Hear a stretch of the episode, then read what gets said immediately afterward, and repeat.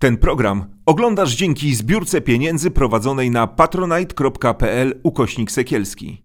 Zostań naszym patronem. Witajcie, to jest wysłuchanie. Ja się nazywam Artur Nowak i zanim zaczniemy rozmawiać z naszym gościem, to niespodzianka, chciałem Wam przypomnieć o tym, e, e, co jest dla nas bardzo ważne, o to, żeby te nasze programy, nasza działalność była dostępna do coraz większej rzeszy publiczności. Cieszymy się, że jest coraz więcej subskrybentów. Proszę w tej chwili zasubskrybujcie nasz kanał. Subskrybujcie nasze kanały. To jest e, e, dla nas bardzo ważne, żebyśmy e, no, byli z Wami w kontakcie pod strzechą, bo wiadomo, jaka jest sytuacja, jeśli chodzi o przekaz publiczny. Prosimy i zachęcamy Was do komentowania. My te komentarze czytamy. Potrafimy znieść krytykę i staramy się z niej wyciągnąć wnioski. E, też zachęcamy do udostępniania. Dziękujemy Wam też za wsparcie. E, bardzo dziękujemy za każde wsparcie. My, jako prowadzący, nie bierzemy żadnych honorariów e, za prowadzenie tych audycji.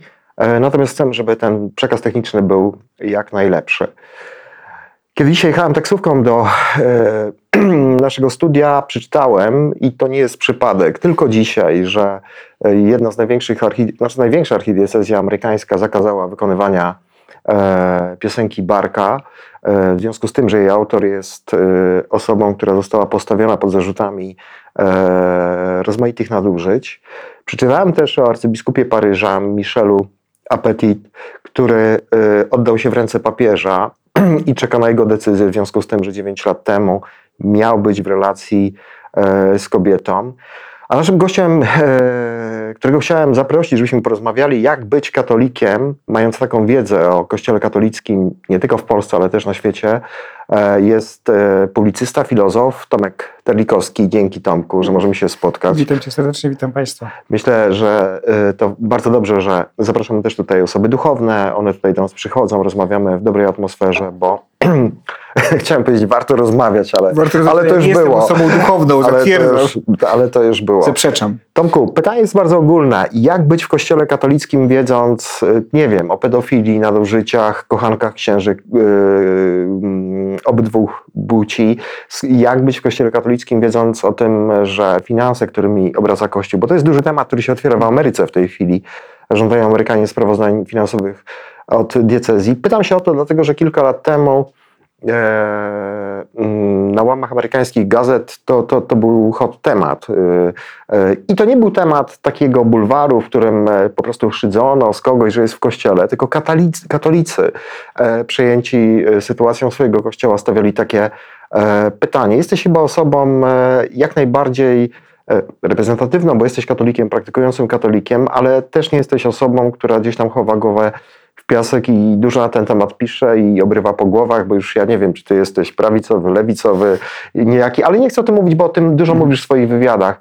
Pytanie jest po prostu proste. Czy, czy, czy, czy, czy, czy ty masz jakiś po prostu kryzys. Nie mówię o wierze oczywiście. Czy ta instytucja ma sens w ogóle? Czy ma jakąś przyszłość? Wiesz co, zacznę od historycznego, z historycznej analogii. Jasne. Jak święty Ignacy Loyola, wtedy jeszcze Ignacy, mhm. E, zakładał jezuitów, mm, to oddał się do dyspozycji i nakazał jezuitom składać ślub posłuszeństwa, szczególny e, Pawłowi III. No nie była to najbardziej świetlana postać w tak. historii Kościoła, zarówno jeśli chodzi o życie osobiste, o kochanki, o to, jak traktował swoich przeciwników, ani nie była to najbardziej, powiedziałbym, świetlana postać, jeśli chodzi o życie religijne. No, był taki, jaki był. Mhm. Bardzo renesansowy, tak powiedzmy ogólnie papież. Mimo to, mimo to Ignacy powiedział, mamy być posłuszni Jemu. Teraz kiedy się pytasz, czy katolik w tej chwili może mieć kryzys, tak, może mieć kryzys. I to nie jest kryzys wiary w Boga. Ja o tym też pewnie parokrotnie już przynajmniej mówiłem. Dlatego, że jeśli Boga nie ma, to ładnie pokazuje Benedykt z Habermasem w takiej debacie, to pewna miażdżąca niesprawiedliwość, także związana z e, przestępstwami seksualnymi, ze skrzywdzonymi w kościele, nigdy nie zostanie naprawiona. Dlatego, że oczywiście można e, ludzi posłać na terapię, to prawda. Można pomóc poskładać jakoś te elementy rozbitego życia, które zostało rozbite w często bardzo wczesnym dzieciństwie albo we wczesnej młodości, bo to różnie bywało. Można nauczyć się z tym żyć można i trzeba wypłacić odszkodowania, które są takim elementem sprawiedliwości naprawczej, ale tego, co osoby skrzywdzone straciły, nikt im nie zwróci. To są te opowieści mm. dziewcząt, które mówią, mnie odebrano, bo to już dorosłe kobiety są czasami, 50-60-letnie. Kiedy miałam 12 lat, zabrano mi dzieciństwo. Ja już nigdy nie wróciłam do stanu sprzed. Mhm. Ale mówią to samo czasami osoby dorosłe, skrzywdzone, które mówią, nigdy już nie wróciliśmy do tego stanu, do tej beztroskiej radości, do radości na przykład ze swojej cielesności. To już nigdy nie wróciło. To już no, Badania pokazują, że to jest naturalne. To jest naturalne, natomiast mhm. tego nie możemy zwrócić. Jeśli go nie ma, no to ostatecznie ta krzycząca o pomstę do nieba niesprawiedliwość zostanie. Natomiast jeśli się pytasz o instytucje, to oczywiście pojawiają się pytania. One się pojawiały w historii mm, zawsze. Mm, po pierwsze o to, czy jej doczesny kształt, ten, który znamy, to jest kształt rzeczywiście zgodny z tym, czego chciał jej założyciel, Jezus Chrystus.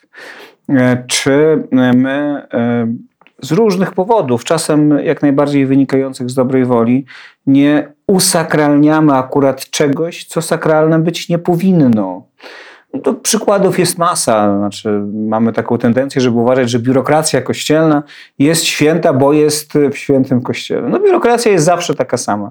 Nie ma instytucji, która by miała świętą biurokrację. Mhm. Być może zdarzają się święci urzędnicy, to z tym nie dyskutuję, ale cała biurokracja zawsze podlega pewnym procesom korupcji. A ładnie Lord Acton mówił, mm-hmm. e, mówił tak, że Mój ulubiony władza... pisarz katolicki tak, deprawuje absolutna, władza absolutna. Absolutnie, a władza duchowa a wiesz, co było kam- jeszcze bardziej. Wiesz co było kanwą sporu Actona z, z, z, z papiestwem? No, e, dogmat o nieomylności no, więc właśnie. Nie, pytam się o to, bo to... Tylko wiesz, no. tu od razu trzeba powiedzieć jedną rzecz. My mamy taką mhm. tendencję, także jako katolicy, ale także jako niewierzący, mhm. żeby um, znaczenie tego dogmatu przeceniać. Wiesz, ile razy na pewno papież użył e, swojej nieomylności papieskiej w historii? No nie wiem, wiem, Dwa że razy. Hans King musiał e, pożegnać Ale się z nauczaniem. U Hansa Kinga jest bardzo ciekawa, tak, masz rację, mhm. bardzo ciekawa dyskusja na temat jego książki Nieomylne. Natomiast tak czysto doktrynalnie mamy pewność, że użył jej w dwóch razach. Za pierwszym mhm. razem, kiedy ogłaszał dogmat o niepokalanym poczęciu, za drugim razem, kiedy ogłaszał dogmat o wniebowzięciu Najświętszej Marii Panny. Y, y, tu y, spór z Kingiem poszedł szedł troszeczkę o co innego. King ostatecznie powiedział, że Kościół jako całość, nie jako jej historyczny wyimek, tylko jako pewna całość, także nie jest nieomylny. I ostatecznie za to został hmm. przywołany do porządku, ale pamiętajmy, King do końca życia był księdzem katolickim. To tak, też tak. jest bardzo charakterystyczne. No i się pogodził przed śmiercią z Benedyktem I przed, chyba. przed śmiercią się pogodził i z Benedyktem, i z tak. Franciszkiem. On nie był w karach kanonicznych jako ksiądz. On miał zakaz nauczania teologii znaczy, katolickiej. To jest inny temat w ogóle, co się stało z tymi wielkimi teologami, wielkimi no dla mnie, niekoniecznie dla ciebie w 78 roku, 9, ale ja pytam o co innego, bo zastanawiam się, bo z jednej strony mamy pewien impuls Jezusa Chrystusa, e, który jest postacią e, anty, mm, przeciwko establishmentowi, antyestablishmentową, tak? Nie mogę wymówić tego słowa. No bo chyba ten jego program jest związany mimo wszystko jednak w takim ujęciu historycznym z, z tą sytuacją, w której on był. I pytam y, o coś zupełnie innego. Jego przekaz był tak naprawdę prosty. Oczywiście on obrósł y, e, tradycją, naukami ojców i tak dalej. I ja mam takie pytanie, czy kłopotem samym w sobie nie jest to, że w pewnym momencie e, Kościół się tak mocno zinstytucjonalizował. To znaczy chodzi mi o to, że obrósł jakąś machiną biurokratyczną, e, od mniej więcej IV wieku miał duże aspiracje, jeśli chodzi o e, koalicję z cesarzem. Cesarz też miał oczywiście w tym swój interes, bo to nie jest tak, że ten interes jest jakiś nieekwiwalentny.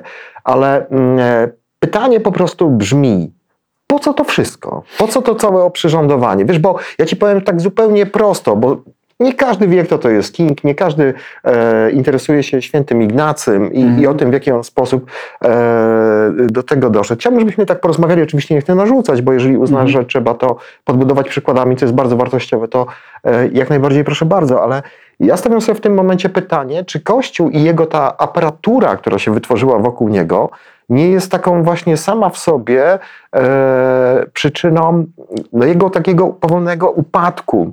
E, no bo zaczął gromadzić pieniądze i mamy dużo nadużyć na tle finansowym. E, wyśrubował życie y, y, księży, no bo to nie jest celibat, to, to, to, to, to mam takie wrażenie, jest jednak dla wybranych. To nie jest taka naturalna forma życia. No, jesteśmy mężczyznami i też mamy jakąś taką wyobraźnię i pewne zmagania, które mamy związane e, ze swoją seksualnością. E, no więc e, wytworzono pewne sposoby życia, zaczęto gromadzić kasę, stworzono, to wszystko podzielono, bo są jakieś władze, biskupi, diecezje, parafie i tam się zaczęły tarcia, czyli odeszliśmy od impulsu religijnego w pewnym momencie, choć myślę, że to jest los każdej instytucji religijnej, takiej zorganizowanej, i pojawiły się nowe problemy, zupełnie niepotrzebne. Bo no tak, tylko wiesz, no to, no. Trochę, to, to, ja wiem, że trochę, trochę może. sobie odpowiedziałeś na to pytanie w no. ostatnich, no. w ostatnich zdaniach, w ostatnim mhm. zdaniu. Trochę jest tak, że każdy impuls religijny, jeśli ma przetrwać, potrzebuje instytucji, która go będzie nieść dalej. Mhm.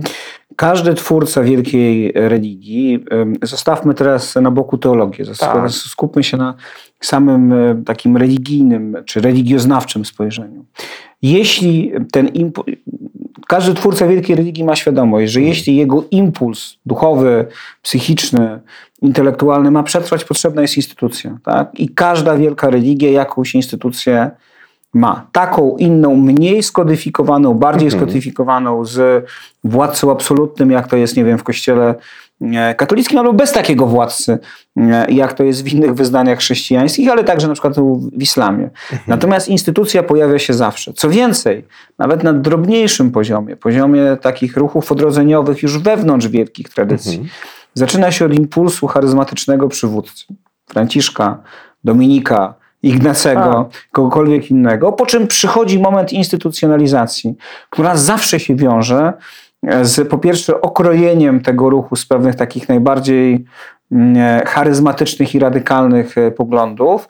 Po drugie, wiąże się z tym, że na początku, przynajmniej na początku, ta instytucja próbuje wyłącznie zachować to, co było, a potem zaczyna szukać nowych odpowiedzi. Przykładem jest Franciszek. Franciszek mówił, nie ma żadnej własności. Franciszkanie nie mogą mieć nawet swoich klasztorów. No on tam porzucał całe e, Tak, zrzucił, zrzucił dach. I teraz, ale już za jego życia Franciszkanie się zorientowali, że jest pewna sprzeczność między dwoma poleceniami, które on wydał. Z jednej strony żadnej własności, z drugiej strony szczególna troska o braci, którzy umierają. No jak, no to trzeba mieć zabezpieczone jakieś środki.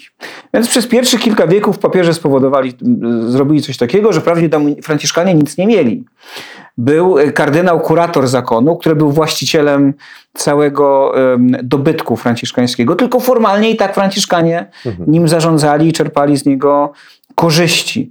No i w końcu stwierdzono, nie utrzymujmy fikcji. To znaczy, to jest fikcja, że oni nic nie mają, bo wszystko ma kurator.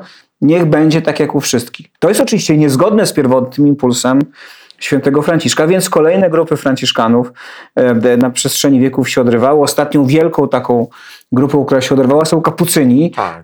a później możemy powiedzieć Franciszkanie odnowy już z XX wieku, Franciszkanie z Bronxu, mhm. tak zwani. I to napięcie będzie zawsze. Teraz e, problem, problemem nie jest to, że instytucja powstała. Problemem jest to, że my w przestrzeni tych dwóch tysięcy lat zaczęliśmy po pierwsze uświęcać w całości instytucję, a po drugie, że zaczęliśmy uświęcać i sakralizować jej doczesny kształt. Przykładowo, w tej chwili mówimy, no biskup musi mieć taką władzę, jak ma. Nie może być pod kontrolą, bo to jest szczególna postać w kościele. Wszystko pięknie, ale jak się spojrzymy na średniowiecze, e, na średniowiecze, podkreślam, to jest mhm. bardzo e, kluczowe słowo, to okaże się, że po pierwsze biskupów wcale nie mianowali papieża.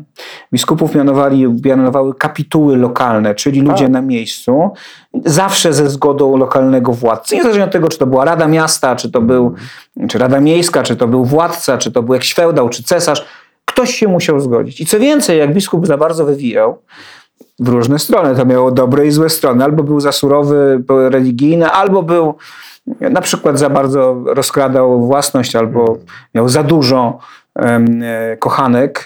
Generalnie wtedy akurat kochanki nie były wielkim, wielką, wielkim problemem. Trzeba pamiętać, że biskupi Często nie byli biskupami ze względu na swoją świętość, tylko ze na pochodzenie społeczne. To no, znaczy, to był wybór polityczny. Wywodzili się z odpowiednich rodzin.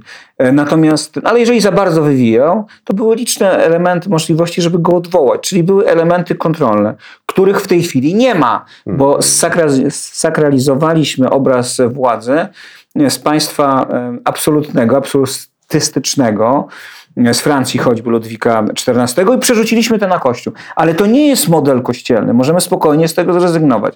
Mamy rzeczywiście państwo od tysiąc, ponad prawie 1500 lat, państwo kościelne. Czy państwo kościelne jest czymś, czego chciał Chrystus? No nic, jakby to powiedzieć, no nie wynika to z Ewangelii.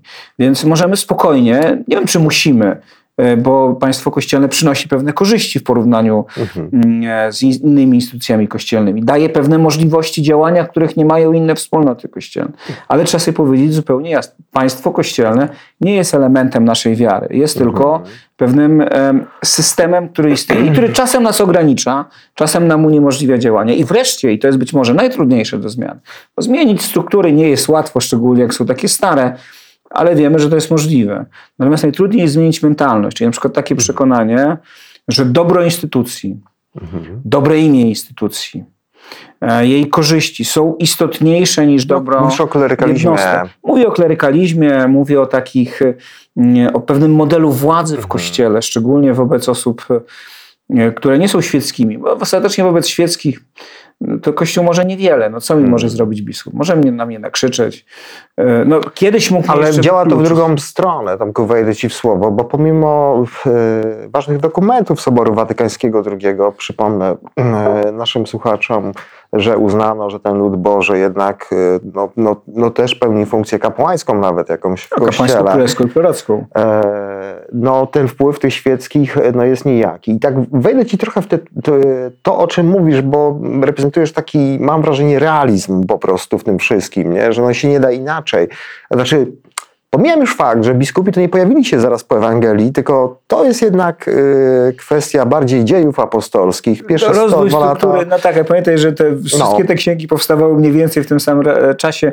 Rozwój struktury kościelnej, tak. rozwój tego, kto jest biskupem, kto jest prezbiterem, kto jest diakonem, to jest dłuższa historia. Ale y, chyba ja będę bronił tej swojej tezy w tej naszej rozmowie, że y, no właśnie, ta instytucja trochę jest jak rak. To znaczy w tym sensie, że ona generuje po prostu pewne problemy.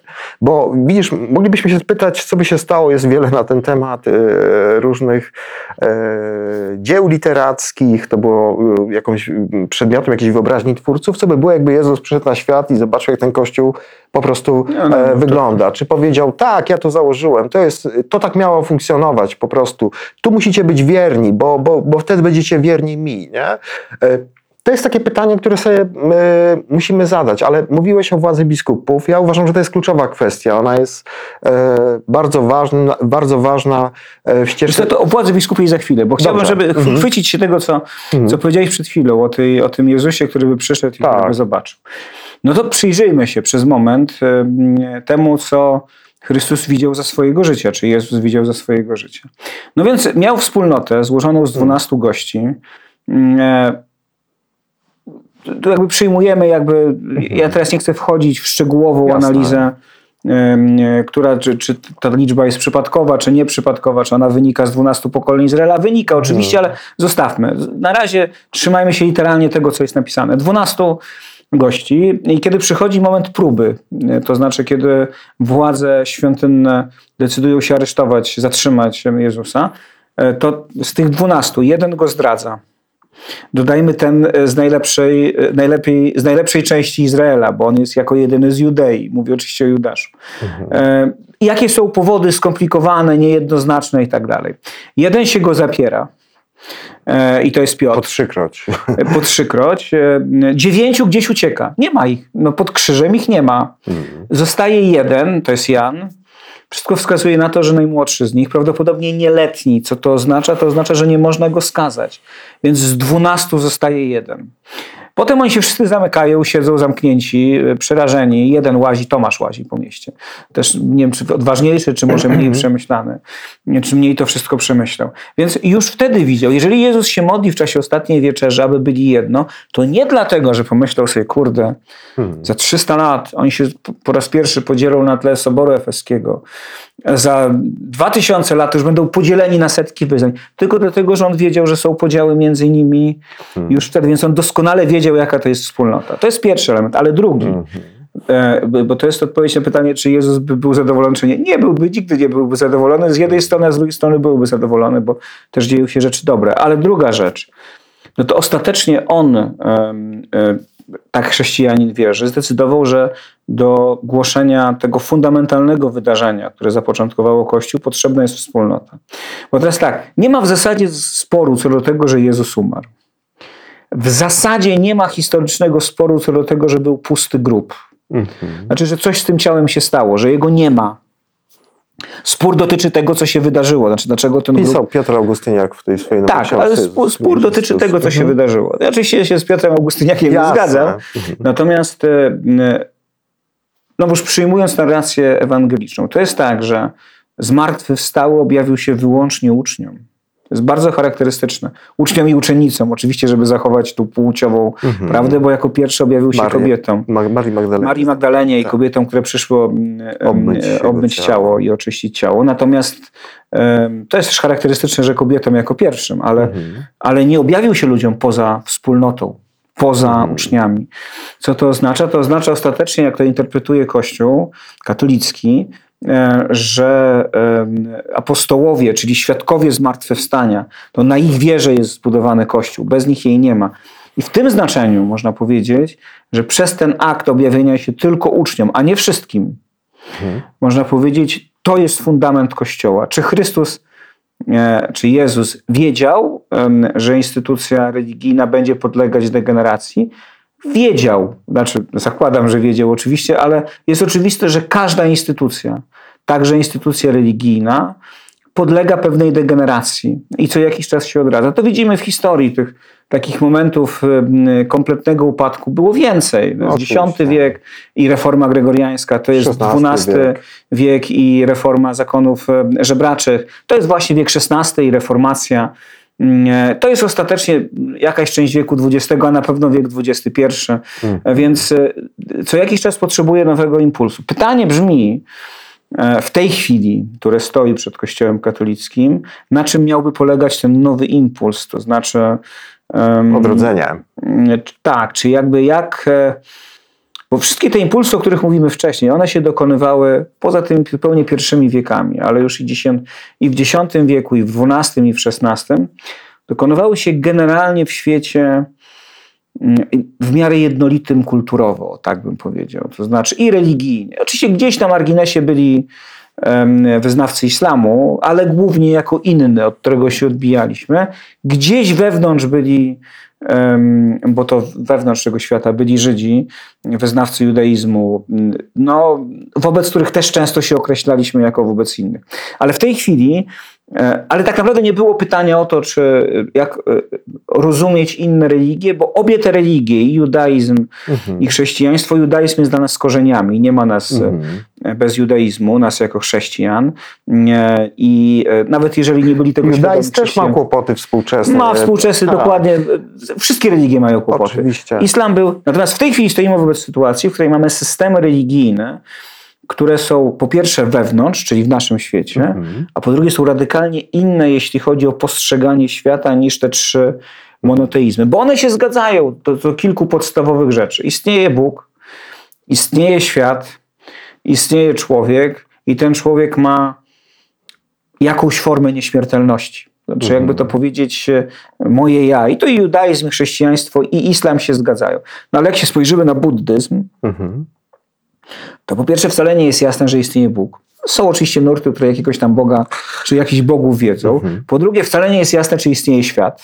Mhm. Znowuż ja nie chcę powiedzieć, że nie istnieje, że są tylko fenomeny bo to jest dużo bardziej skomplikowane, jak się przyjrzeć fenomenom mhm. i różnym rodzajom buddyzmu. Ale nie jest jasne, że istnieje świat, mhm. a w zasadzie na pewno nie jest jasne, że nie istnieje nieśmiertelność w takim znaczeniu, jakie temu słowu przypisuje cała tradycja zachodnia, mhm. łącznie z grecką tradycją do pewnego stopnia, e, bo oczywiście to jest jeszcze bardziej skomplikowane. Więc mamy świat, który wygląda z tej perspektywy kompletnie inaczej. I teraz um, dla religii monoteistycznych, które często są religiami um, nie tylko uniwersalnymi, ale również mhm. jedynozbawczymi, przekonanymi o własnym znaczeniu, to nie dotyczy judaizmu. Judaizm, mówimy, jesteśmy religią Nie, dla Żydów, jaki Pan Bóg zbawia innych, to nas w ogóle nie zajmuje. To jest jakby jego sprawa.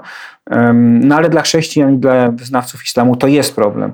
Jak się zmierzyć z faktem, że ogromna większość ludzi na świecie wyznaje inne nurty religijne i one bynajmniej nie są mniej skomplikowane, mniej e, głębokie, a równocześnie są kompletnie inne.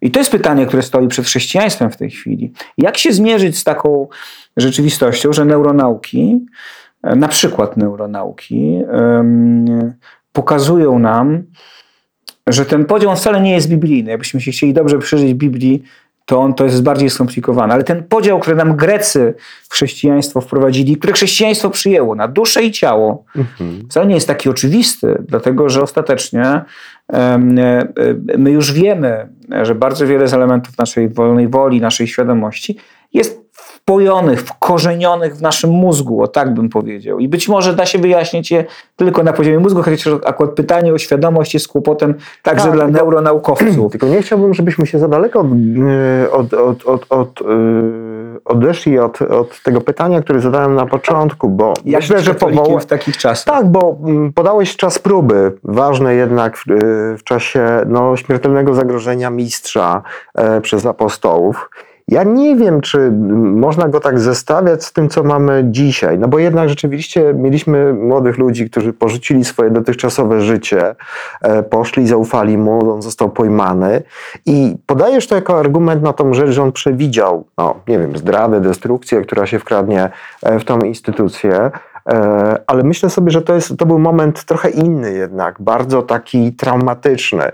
Natomiast wiesz, ja e, pomyślałem sobie, nawiązując do tego, co od ciebie usłyszałem, że skoro jest tak i rzeczywiście jest taka teza wśród młodych ludzi, że każda instytucja religijna to jest jednak shit. Przepraszam za to słowo, no ale tak, tak, tak młodzi ludzie często mówią.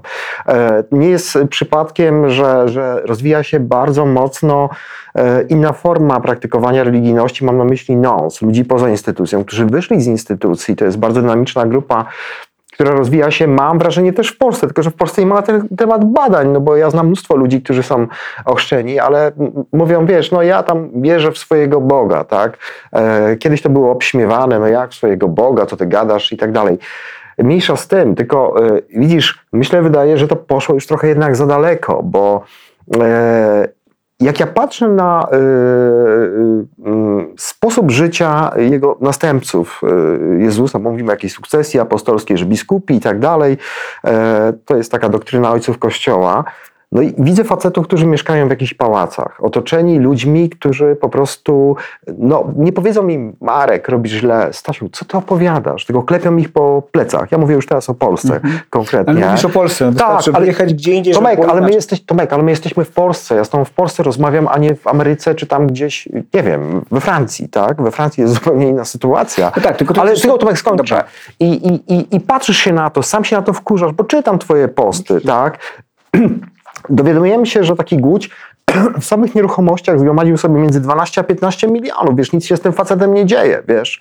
Pytanie jest, no czy tyle zarobił, czy tyle nakradł, sorry, ale tak to trzeba e, sobie taką wątpliwość postawić, znając jego po prostu zapędy, jak on handlował e, parafiami. Wiesz, to nie jest jeden przykład, podejrzewam, bo ja słyszałem o wystawnym życiu arcybiskupa Skworca, e, wiesz, i wchodzimy na te polskie podwórko. No i jest pytanie, jak to daleko po prostu odeszło i czy to nie jest tak, że ludzie, którzy po prostu to widzą, e, nie są ofiarami poniekąd tego kościoła i stąd ich ta taka indolencja po prostu, bo tak jak mówisz, e, sakralizowali sobie instytucje, biskupa e, i tak dalej, i tak dalej i mówią nie, my tu mamy być posłuszni, uczestniczymy w pewnym jakimś programie lojalnościowym, bo e, dajemy dzieci do chrztu, e, e, trwamy w związkach małżeńskich, nie rozwodzimy się po prostu, nie? Ale tu już nic nie będziemy zmieniali, nie będziemy kontrolowali, bo to jest święty Kościół, ja biskupa nie będę krytykował, nie? Czy, wiesz, o to się pytam, nie? Po prostu, czy to za daleko nie zaszło po prostu, czy nie trzeba tego jakoś, nie wiem, Rozwalić to jest złe słowo, bo wiadomo, jak reformy w Watykanie wyglądają. Franciszek mówi, że to jest czyszczenie szczoteczką do zębów Sfinksa. Martini mówi, że mówił, bo już nie żyje, że, że jesteśmy w niedoczasie, jeśli chodzi o zmiany, e, jeśli chodzi o naukę, jeśli chodzi o, o, o, o, o przekształcenie jakiejś prawnej instytucji, korporacji o 200 lat. O to się pytam po prostu. Czy to nie jest projekt, który po prostu, no niestety, no, skazuje się sam e, na, na, na, na, na taką, na, na, na, na to, że, że, że za chwilę tam nikt nie będzie chodził. No, badania są z wczoraj czy przedwczoraj. 26% młodych ludzi tylko mówi o praktykach religijnych. Ja ci powiem, że i tak jestem zdziwiony, że tak dużo. Znaczy, wiesz, tylko pamiętaj, że po pierwsze mhm. nie, mówimy o pewnym wycinku rzeczywistości, jakim jest Zachód. Tu rzeczywiście następuje błyskawiczna laicyzacja i sekularyzacja, gdzie mhm. indziej nie następuje. Ale po, powiedziałem o polskich biskupach, o tak, polskich badaniach. Zaraz, zaraz przejdę do polskich biskupów no i do polskiego badania, spokojnie. Tylko mówię, że to jest pewien, okay. to jest pewna, pewien element obrazu, który jest dużo bogatszy. To po pierwsze. Po drugie, um, nawet ci nosi, o których mówisz, ludzie, mhm. którzy jakby odchodzą z instytucji, szukają własnych poszukiwań, to jednak bardzo często jest tak, że tych poszukiwań nie ma bez istniejących instytucji. Nie mówię tylko o Kościele, mówię o różnych instytucjach. Znaczy to jest w ogóle ich background jakiś religijny. A no właśnie, mhm. więc e, z tej perspektywy trzeba powiedzieć zupełnie jasno, że po kilku pokoleniach, gdyby się ukształtowała struktura tego typu, to ona miałaby swoje problemy instytucjonalne. E, Jeżeli by weszła w instytucjonalizm i utworzyła sobie jakieś... Nie ma opcji, żeby nie weszła. Wiesz, jest taki ruch, znowuż historyczny i zaraz wracam do polskich biskupów, ruch przyjaciół, kwakrów, kwakrzy. Mhm. Mhm. I co jest istotą kwakierstwa? Czekamy na poruszenie Ducha Świętego. Nawet nabożeństwa pierwotnie wyglądały w taki sposób, że wszyscy siedzieli i czekali, że ich natknie Duch Święty. Jak ich natkną, zaczynali mówić i tak dalej. Z instytucji, skądinąd zasłużony bardzo ruch dla zniesienia niewolnictwa, bo oni byli w Stanach Zjednoczonych głównymi propagatorami abolicjonizmu. Ogromnie zasłużony ruch Towarzystwo Przyjaciół dla Wolności Religijnej w Stanach Zjednoczonych ma ogromne zasługi, ale też się zinstytucjonalizował, mimo że u jego podstaw leży absolutne przekonanie, to jednostkowe przeżycie religijne, niekontrolowane i nieinstytucjonalizowane jest istotą. I też podlegli procesem instytucjonalizacji. Więc to jest jakby pierwsza rzecz. Drugi element um, jest też dość, e, nie, dość oczywisty, to znaczy um, Kościół, my czasem mamy takie wrażenie, że gorzej w Kościele nie było nigdy niż jest teraz. Było gorzej. Pamiętam twoje rozmowy w, w telewizji jeszcze Republika, jak spotykałeś się z Andrzejem Kobylińskim i mówiliście, że to już jest po prostu... Tak, ale to... to już jest po prostu masakra to, jakaś, to jest... a za dwa miesiące okazało się, że nie jest wiem, gorzej. Jest, jest gorzej. gorzej. Nie, ale ja mówię teraz o czym innym, wiesz, to znaczy, mm. tak, w tej chwili jesteśmy na takiej równi pochyłej, zjeżdżamy w dół I błyskawicznie. Coraz bardziej dynamicznie. Tak, ale to nie znaczy, że nie było w czasach, e, w, w kościele czasów przynajmniej analogicznych, mhm. równie złych były e, i zawsze się udawało z nich podnieść. Czy teraz się uda, to oczywiście zobaczymy, tak? Ja nie jestem mhm. prorokiem i nie mogę tego powiedzieć, natomiast mogę powiedzieć tyle, że mimo wszystko w tym całym instytucjonalnym chaosie, w tym wszystkim, co um, błyskawicznie się rozpada na naszych oczach, w tym, że przemija postać Kościoła, którą znaliśmy, czy wręcz Prawdopodobnie za chwilę się ukaże taka moja książka Koniec Kościoła, jaki znacie, takim roboczym tytułem, chyba że wydawca jeszcze zmieni mhm. tytuł, zobaczymy. Tym, że widzimy jak na naszych oczach to, co uważaliśmy za niezmienne. Pewnie i ty i ja jeszcze 20 lat mhm. temu nam się wydawało, że ten kościół, który znamy, potężny kościół w Polsce, no 30 lat temu. No pewne rzeczy wielkimi, były zabetonowane doktrynalnie. I że to się tak. nic nie zmieni. A teraz już widzimy, że się zmieni. Prawdopodobnie za chwilę będziemy mieć, e, a przynajmniej wszystko jest gotowe instytucjonalnie i doktrynalnie, żeby były nisso. Mhm. Wszystko jest przygotowane, nie ma żadnych przeszkód mhm. doktrynalnych, tak znaczy, to zostało myślę, rozwiązane. że za chwilę Niemcy ogłoszą koniec ścieżki synodalnej i Watykan coś będzie musiał z tym I zrobić. I coś będzie musiał zrobić, więc wiele bardzo rzeczy mhm. się... Mamy dwóch papieży, a nie jednego. Jeden no, tak. jest emerytem, a drugi jest nie emerytem, ale dwóch. No mówi się, że będzie trzeci, bo też a, były takie spekulacje. A może będzie trzeci. trzeci. Tak. No więc jakby bardzo wiele rzeczy się zmieniło. Więc to, na naszych oczach tak, ten kształt się rozpada. Natomiast dlaczego instytucja i dlaczego jestem katolikiem w tej instytucji? Bardzo konkretnie. Otóż dlatego, że poza tą instytucją ja nie hmm. mogę znaleźć um, kilku rzeczy. Po pierwsze, mogę czytać Pismo Święte poza instytucją, jakąkolwiek chrześcijańską. Mogę. A wiesz, że to Kościół kiedyś robił z ludźmi świeckimi, którzy wiem, czytali którzy, Pismo wiem, Święte? To wszystko oczywiście prawda, nie będę dyskutował z faktami. Natomiast nie byłoby tego Pisma Świętego, to znaczy na przykład by nie było kanonu, gdyby nie decyzje kolejnych soborów Mhm. Najpierw niepodzielonego kościoła, potem coraz bardziej podzielonego, aż wreszcie Soboru Trydenckiego. Nie byłoby sakramentów, ty mówisz o programie lojalnościowym, on się coraz bardziej rozpada i masz tego świadomość. Jakby to mhm. powiedzieć, że to, to czy będzie... Dla, nasze, dla naszego pokolenia to było oczywiste, że wszystkie, hmm. każde dziecko jest ochrzczone, tak. potem każde dziecko idzie do pierwszej komunii. A to będzie wyrwa. Potem każde dziecko idzie, każdy młody człowiek idzie do hmm. Bierzmowania, a potem każdy wierzący czy niewierzący bierze ślub e, kościelny, a potem w zależności od tego, jak mu się tam życie ułoży. No nawet komuniści pod koniec życia chcieli, żeby ich tam Tak, żeby ich chować. To było coś standardowego, ale to już nie jest nic standardowego. No w tej chwili, jeżeli chodzi o um, obierzmowanie, to kiedyś mówiono o bierzmowaniu jako sakramencie zerwania z Kościołem. W tej chwili sakramentem zerwania z Kościołem żartobliwie można powiedzieć jest pierwsza komunia święta. Mm -hmm. Kilkanaście miesięcy po pierwszej komunii świętej już widzimy wyraźny spadek tam żadnych praktyk, nie mówimy mm o mhm. praktykach, tylko nawet o chodzeniu na religię. Tak. Więc e, ten, e, ten system lojalnościowy się rozbija, rozpada się, na naszych oczach się rozpada. I teraz efekt będzie taki w ciągu kilku, kilkunastu najbliższych lat, i to jest moim zdaniem dobry efekt dla Kościoła, że chrześcijaństwo, katolicyzm z religii dziedziczonej, mhm.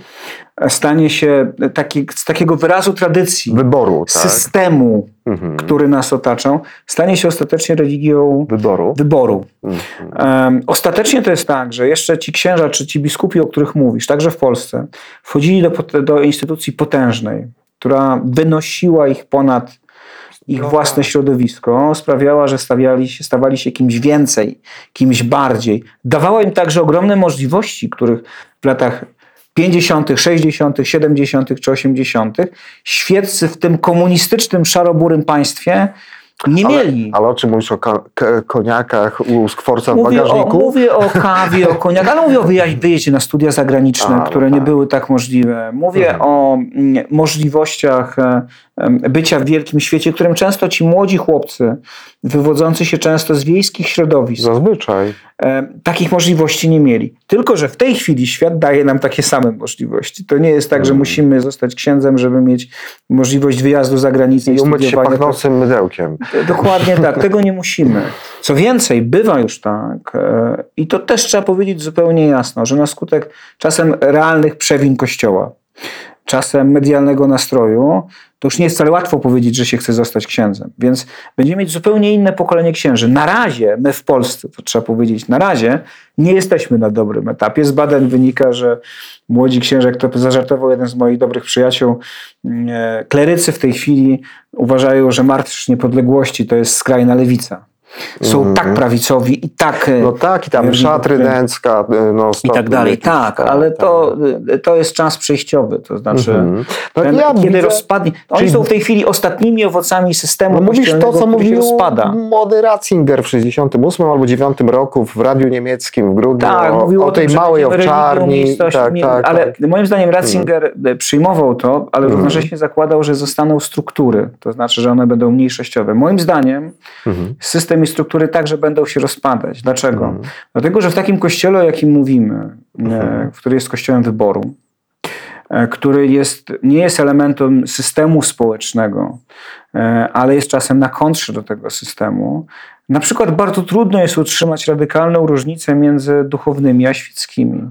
Mhm. która oczywiście wyrasta ze święceń kapłańskich, ale która dla odmiany znajduje się w nieustającym napięciu z sakramentem chrztu, w którym wszyscy jesteśmy równi. W takim antysystemowym, jeżeli on powstanie rzeczywiście, nie, nie, kościele, bardzo trudno będzie utrzymać sakralizację pewnych elementów władzy. I wreszcie w takim e, kościele będzie powstawać bardzo konkretne pytanie o to, czy nam rzeczywiście są potrzebne struktury państwowe. Czy nam tak. potrzebny jest e, Watykan jako państwo. I znowuż podkreślam, to wcale nie. Tu Co ten Terlikowski opowiada tu, tutaj? Tu odpowiedź wcale nie jest oczywista. Dlaczego? Nie. Dlatego, że mhm. E, no jeżeli spojrzymy się na patriarchę Konstantynopola i jego sytuację w Turcji, no, tak. no to to nie jest dobra sytuacja. To mhm. państwo czasem chroni pewne pewne realne dobro, ale rodzi inne zagrożenia. Więc powiedziałbym, jesteśmy w takim bardzo dynamicznym procesie, w Tomek, tylko system, wiesz, no, który znamy, się y, kończy. Jasne, tylko y, patrzymy na to cały czas na zasadzie takiej analizy, ale przecież y, słucha nas wiele osób, nie? Generalnie oni tam nie wiedzą, czy dożyją tych czasów, nie? Jak to się tak pozmienia, jak ty chcesz. A oni by chcieli już teraz się jakoś zachować. A mam ciebie takie pytanie, może takie trochę prowokujące, ale też czy e, katolik nie popełnia grzechu zaniechania, e, jeżeli nie wpływa na tą strukturę? Takie pytanie było już zadawane w Stanach Zjednoczonych, we Francji, e, bo wiesz, bo mm, wyobraźmy sobie taką sytuację, że miałeś to nieszczęście, że byłeś, e, nie wiem, wiernym w archidiecezji gdańskiej. Słyszałeś od księży o handlu parafiami, słyszałeś o tym, że twój biskup pijany odprawia msze. E, Wiesz, e, i, i, jest pytanie, no bo e, w, kościele to jest tak, że sakrament jest zawsze ważny, czy ksiądz jest pijakiem, hulakiem, czy tam osobą, która ma lepkie ręce.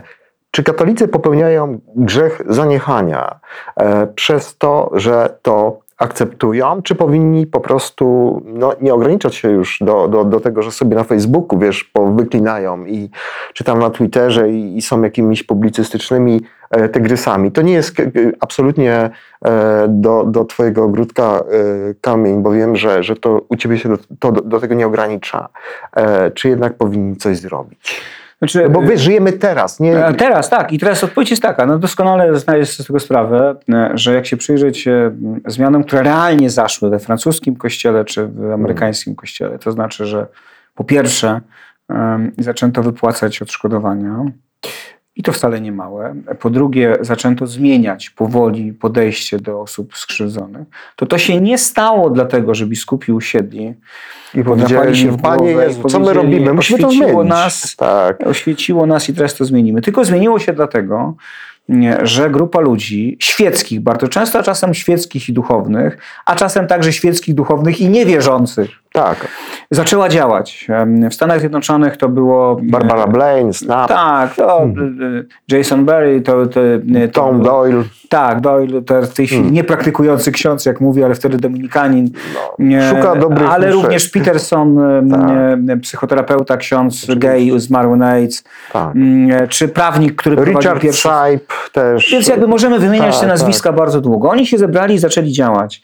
Bez ich działania, potem bez wyroków sądów, bez zaangażowania mm, adwokatów bardzo wielu, z których część to robiła z dobrej woli, a część robiła to pewnego momentu, żeby zarobić dobre pieniądze. To, też Ale to jest normalne. A to jest normalne. Ja tego nie mówię, żeby powiedzieć, że to jest coś złego, tylko opowiadam, jak to wyglądało. Bez e, katolickich parafii, które powiedziały, tam jest inny model finansowania e, diecezji, przestajemy wysyłać pieniądze do diecezji. No to teraz was weźmiemy głodem. I przestaną przesyłać pieniądze do diecezji. Tam ksiądz nie miał nic do powiedzenia, bo tam rządzi, rządzi Rada, to tej, Rada Ekonomiczna. To tej zmiany by nie było. Teraz przenosząc to na sytuację polską. No właśnie. No to nie byłoby sprawy arcybiskupa Peca, niedokończonej nigdy do końca, ale gdyby nie to, że grupa ludzi świeckich z różnych stron, polityków, prawników i kilku duchownych już na początku lat 2000 zdecydowało się tak mocno nacisnąć, że w końcu go odwołano. Tak, nie skończono tej sprawy. Nie doprowadzono jej do końca. Arcybiskup Pec prawdopodobnie zostałby pochowany w archikatedrze mm, poznańskiej, gdyby nie to, że znowu grupa świeckich i kilku księży bardzo mocno powiedziała stop, to jest takie zgorszenie, że nie. Nie byłoby sprawy arcybiskupa Janiaka, gdyby nie Tomek e, Sekielski, czy bracia Sekielscy, ty, e, bracia Pankowiakowie i cała grupa innych ludzi. Mm, e, Tej sprawy by nie było, gdyby nie świeccy. Nie byłoby specjalnie nie ukarano, ale jednak jakoś go ukarano. Sprawę arcybiskupa Głudzie, o którym cały czas mówimy, gdyby nie to, że i trochę księży, i trochę świeckich z tamtej diecezji naciskało. Więc tak, jest obowiązek działania. Obowiązek działania, który wynika z troski o wspólnotę, w której się jest i ze świadomości, że jesteśmy też do tego jako katolicy, także świeccy powołani. Mnie tylko irytuje jedna rzecz, muszę ci powiedzieć. To jest takie wezwanie, które się czasem pojawia ze strony osób, e, e, nie chcę powiedzieć niewierzących, bo to nie moja rzecz, żeby to oceniać, ale poza strukturami, Mhm. które mówią, przestańcie chodzić do kościoła. Znaczy, to z perspektywy katolika człowieka, który jest zaangażowany w Kościół, jest trochę takie wezwanie, jakby powiedzieć, ze względu na protest przeciwko, nie wiem, skandalicznym zachowaniom producentów żywności, przestańcie jeść. Tak? To znaczy, z perspektywy duchowej, e, Eucharystia. Nie wiem, czy to jest dobre Tomek porównanie. Ja wiem, ale Eucharystia jest czymś, co mi mhm. pozwala funkcjonować, co mi pozwala mhm. mi, ja mogę teraz mówić o sobie, nie chcę mówić jasne, o innych, jasne. pozwala mi e, zmierzyć się z tym bólem i z tym cierpieniem, który, który widzę. Wiesz, jak czasem rozmawiam, a wiesz, tak jak ty rozmawiasz czasem wiele mhm. godzin e, z osobami skrzywdzonymi, ty pewnie jeszcze lepiej rozumiesz niż ja. Nie, bo ja, ja, nie licytujmy się, bo to ja nie doświadczam, ale ja pewnych rzeczy nie doświadczyłem tak, sam, tak? Mhm.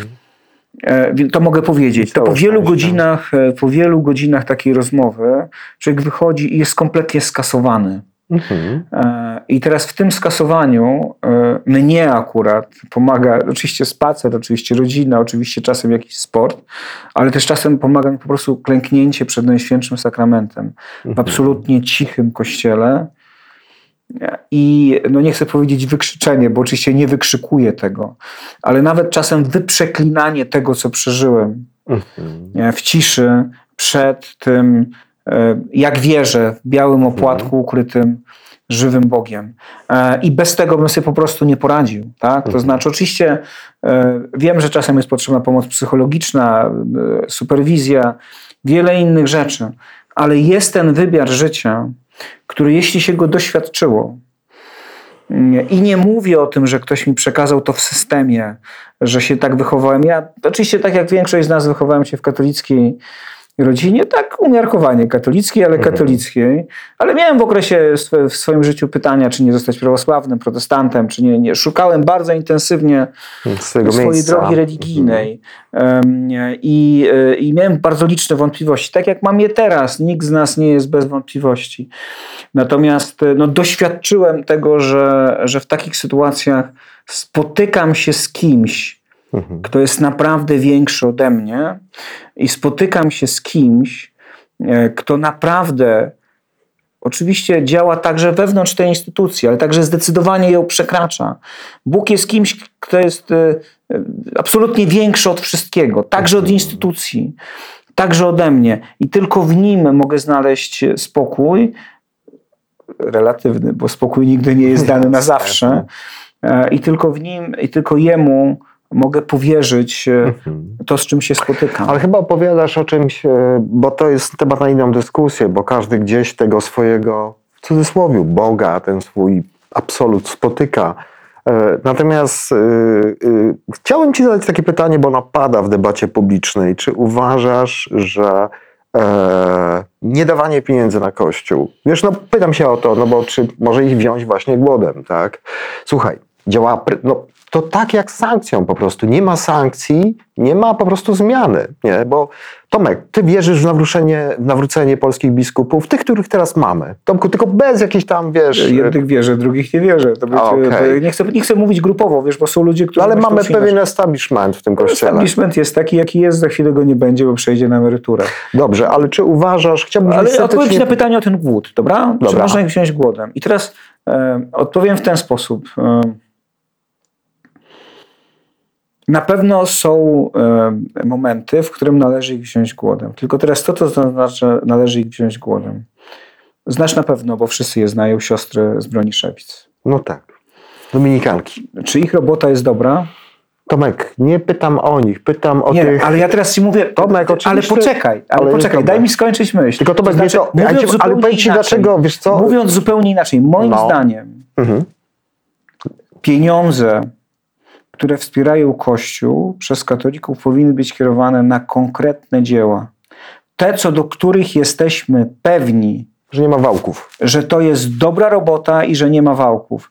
Y, y, ileś hospicjów y, dziecięcych i dla dorosłych prowadzi Kościół. Ja nie widzę żadnych powodów, żeby pieniądze i wierzących i niewierzących Tomek, na nie nie ale płynęły. ohydne jest to, że takim zderzakiem, na którym ci Ale, wszyscy... teraz, ale, ale, ale, Tomek, czekaj, ale to nie jest żaden zderzak, bo jak Przy- daje ale- pieniądze na Tomek, hospicjum nie, ale małego wiesz- nie księcia wiesz, w Lublinie, Tomek, nie wiesz, o czym to mówię. nie daje go na biskupów. Tomek, tylko że to jest wielka e, właśnie hipokryzja, bo ci wszyscy biskupi, arcybiskupi, oni mają usta pełne frazesów i mówią, no zobaczcie, ile te siostry robią e, gdzieś tam na misjach i tak dalej. Wiesz, i traktują ich jako takie dzieci Głogowa. Nie zabijajcie nas, nie, zakrę- nie zakręcajcie poczekaj, nam Ale widzisz, kurka. ale, ale Czyli mówisz celowo. wydaje mi się, że teraz mnie trochę nie słuchasz, dlatego że ja mówię, nie musimy dawać na biskupów. Aha. Jeżeli daje na, e, e, na e, hospicjum Małego Księcia w Lublinie, w hospicjum dziecięce, prowadzone przez Franciszkanina, ale zarządzane przez świeckich, to daje na konkretne dzieło. Czy daje na Kościół? Tak, daje na Kościół, ale ani złotówka z tych pieniędzy nie płynie na biskupów. Ona płynie na rodziców, którzy się zmagają z bardzo ciężką chorobą No, swoich dzieci. Czy jeżeli daje siostrom z Broniszewic, to daje na e, e, arcybiskupa Głudzia? Nie. Więc e, mamy, mamy wybór, także jako katolicy, czy płacić na biskupów? Moim zdaniem, e, dopóki nie zacznie się realna zmiana, nie. Czy dawać na dzieła kościelne, o których wiemy, że są dobre? Tak, i teraz zobacz, e, to nie jest tylko pytanie do katolików. E, e, Siostry z Broniszewic, żeby zostać przy nich, nie zbudowałyby tego, co zbudowały, gdyby nie to, że masa ludzi, także niewierzących, także głęboko na kontrze wobec kościoła instytucjonalnego, nie zobaczyła w tym, co robią dobra. E, Hospicjum Małego Księcia, Filip Buczyński z Lublina, nie działałoby, nie otaczałoby opieką setek rodzin, gdyby nie to, że różni ludzie, wierzący i niewierzący, różnych wyznań, nie chcą dawać pieniędzy. Więc na pytanie, czy dawać pieniądze Kościołowi, tak, ale konkretnym dziełom, o których wiemy, że są dobre. Tam, gdzie wiemy, że brakuje dobrej woli, gdzie nie ma transparentności finansowej, gdzie nie ma świadomości konieczności zmiany, to po prostu dawać nie musimy. To jest dość proste. My mamy troszeczkę inny system niż amerykański, niestety. To znaczy, No nie tak, ma to jest jeszcze rad, na rad finansowych i tak, tak, dalej. tak, tak. Ale każdy proboszcz wie, Tomek, szczególnie w dużym mieście, że jak się my- za bardzo zara- To, to nie tylko amerykański system, bo to wiesz, ja mam w zasadzie, że ten nasz biało-czerwony Mars to jest y, pewna specyfika, bo wiesz, siatka wynagrodzeń księży niemieckich, włoskich Bardzo dobra. jest bardzo niemieckich jest bardzo dobra. E, Zwłaszcza w Monachium, bo tam jest pewna, y, w Bawarii jest pewna odmienność, ale na całym świecie masz jedną siatkę płac. Biskup, e, ksiądz, wiemy ile po prostu zarabia. Różnie zarabia w różnych miejscach, E, naprawdę. Tomku, no ale jest to jakoś, jest jakaś określoność tego mimo wszystko. Oj, wiesz, to znaczy, to, tu bym się akurat wspierał. To znaczy, nawet Mhm. w Polsce, jak się spojrzysz na, no dlaczego jest na przykład e, w diecezjach nadmorskich, jest rywalizacja o to, żeby mieć parafię blisko morza. No tak. Dlatego, że jak jesteś proboszczem blisko morza, to dobrze zarabiasz, ale jak jesteś proboszczem na Pomorzu Zachodnim, Hmm. 50 kilometrów od morza, To jest lipa maksymalna. to, e, to nie zarabiasz prawie w ogóle. No bo tam y, za sprawą dzięki już tam nikt w zasadzie do tego kościoła nie chodzi. Nie tylko dzięki, to jest w ogóle kościół, który jest inny, po prostu. No tak, I, teraz, był. e, I teraz w związku z tym ta rywalizacja, która jest o dobre parafie, no wynika z tego, że jednak jest różnica w wynagrodzeniach. Ale myślę, że to jest bardzo specyficzne dla Polski, wiesz, mimo wszystko jednak. No, nie, no nawet jak się spojrzysz teraz na Warszawę i na Mazowsze, to Ale im Tomek, dalej ale- od Warszawy... Tomek, ale zobacz mniej- sobie na Włochy na przykład. Tam nie ale ma nie, takiego czegoś. Okej, ale to jeżeli nie? mówisz o Włoszech i o Niemczech, to mamy O. zupełnie inny system. Mamy system, w którym państwo uczestniczy Jasne, wprost, ale Tomek, wprost. Tomek w ale jest transparencja. Tam nie ma takiego czegoś, że masz swojego chłopaka ukochanego, którego robisz księdzem w jakiejś parafii, chociaż nie ma talentów duszpasterskich, bo go lubisz. No, to, to jak we Włoszech nie, ma takiej i to sytuacji, prawda. nie? To prawda, nie ma. No, no, różnie pewnie z tym bywa, ale Mhm. we Włoszech akurat. W Niemczech nie ma, dlatego że system jest e, Tak. oparty o pewne reguły związane z państwem. Z podatkami Tak, też. ale on ma swoje wady, tak? znaczy ma swoje zalety. Nie bo wchodźmy w to, bo ale poczekaj, ma swoje Mhm. zalety niewątpliwe, ale ma też wady. Jakie? Czy się stoi, czy się leży. Pensja proboszcza się Tomek, Należy. tylko że to jest jednak mimo wszystko, tu się chyba zgodzimy razem misja, to nie jest praca, wiesz, gdzieś tam na, na kopalni. Tomko, a powiedz mi, czy ty byś się podpisał taką akcję, żeby mm, ogłosić taką niedzielę? Nie dajemy w ogóle na tacę, wysyłamy na przykład na siostry z Broniszewic albo... E, na Jeżeli byłoby opatrzone takim, takim dodatkiem, że nie dajemy na tacę, zamiast tego dajemy na coś innego, to bym się podpisał. Słuchajcie, no i cieszę się bardzo. E, koń, musimy kończyć. Świetnie Tylko też tylko no. trzeba by, ty, tu od razu No nie wycofuj się nie, już, nie wycofuję powiedziałeś. się. Nie, powiedziałem to, co powiedziałem i podtrzymuję to. Trzeba precyzyjnie wybrać tą niedzielę, bo każda niedziela ma inny cel zbiórki. Ja bym, jedna z niedziel zawsze to jest zbiórka na kurię. Mhm. I precyzyjnie wybrałbym tą niedzielę i powiedziałbym, w tą niedzielę nie wysyłajcie na kurię, nie dawajcie na kurię, wrzućcie albo przelejcie te pieniądze na siostry z Broniszewic albo na jakiekolwiek inne dzieło, które poważacie. Słuchajcie, ogląda nas wielu księży, ogląda nas y, wiele osób, y, które chcą ratować ten kościół. Ja się bardzo z tego cieszę. Są ludzie, którzy wyszli z tego kościoła, są tacy, którzy po prostu na ten kościół nie mogą patrzeć. Ja myślę, że to jest jakiś pomysł. Y, Tak mi się wydaje, że oprócz tej presji opinii publicznej to by mogło podziałać. Czy to wyjdzie, czy nie. Wydaje mi się, że warto na ten temat pomyśleć. Ja się bardzo cieszę. Naszym e, gościem, myślę, że nie po raz pierwszy, był Tomasz e, Terlikowski. Zapraszam Was. Tomek robi świetne rzeczy. Możecie śledzić jego Facebooka. E, Czytajcie jego posty. Z niektórymi się z, nie będziecie zgadzać, z niektórymi się nie będziecie zgadzać, ale jak widzicie, e, Tomek jest człowiekiem otwartym na dyskusję. Ja Was zapraszam wszystkich jeszcze raz. Subskrybujcie nasze kanały, wspierajcie nasze kanały, komentujcie, udostępniajcie. Bardzo Wam dziękuję za to dzisiejsze spotkanie. i Ciebie, to, tobie Tomku też. Dzięki. Ten program oglądałeś dzięki zbiórce pieniędzy prowadzonej na patronite.pl ukośnik sekielski. Zostań naszym patronem.